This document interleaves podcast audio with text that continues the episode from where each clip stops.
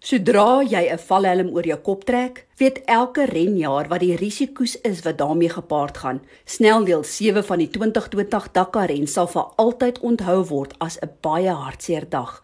Paulo Gonçalves, 'n motorfietsryer wat deelgeneem het aan sy 13de Dakar, het gister sy lewe verloor in die strafste motorren ter wêreld waaroor hy so passievol was. Ons begin vandag se verslag met Steffi Wetter van die Southern Africa Dakar Group wat fokus op ons Suider-Afrika motorfietsryers. It was an immensely dark and sad day at the Dakar Rally. The iconic and much loved Portuguese rider Paulo Gonçalves passed away after a full sustained 273 kilometers into today's special stage 7. 40 year old Paulo was taking part in his 13th Dakar. He made his debut in 2006 and finished four times in the top 10 including runner-up to Marc Coma in 2015. He was the 2013 FIM Cross Country Rallies World Champion and was 46th place overall after stage 6 of the Dakar 2020. Our sincerest condolences go out to his family and friends, his team, and his supporters all over the world. May he rest in peace. Today was not about positions, but at the close of stage, Ross Branch was placed 27th overall, Taye Perry 56th, Kirsten Landman 62nd, Stuart Gregory 70th, and Graham Sharp in 79th place in the general classification. Ricky Brabec still leads the general classification for Honda. Stage 8 has been cancelled for bikes and quads in order to give the riders time to mourn their friend. Over to Jeanette from Wiele 2 Wiele for the auto category. Vir die Toyota Gazoo Racing renspan was Nasser Al-Attiyah tweede vir die dag en hy is nog steeds tweede algeheel, 10 minute agter die Mini van Carlos Sainz.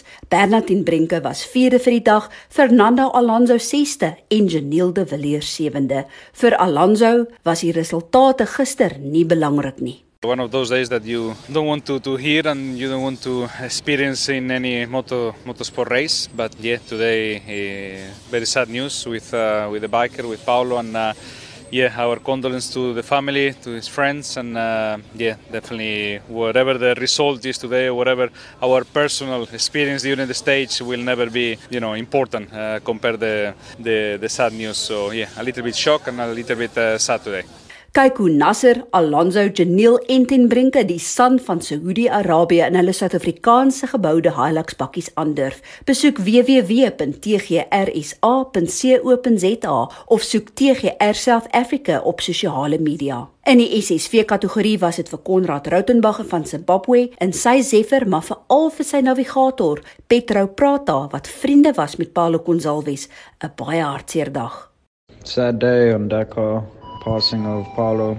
He was a good friend of uh, Pedro, my navigator, as also extra bad news. Really sorry for him and send my condolences to his family and friends. For us, uh, the stage was okay. It was very fast. Uh, we got unlucky with a puncture and um, we also broke the bolt. but that's part of it with a, such a fast stage. Um, we moved up one position and we were a bit closer to the guys ahead. Still about an hour off the lead though but otherwise okay.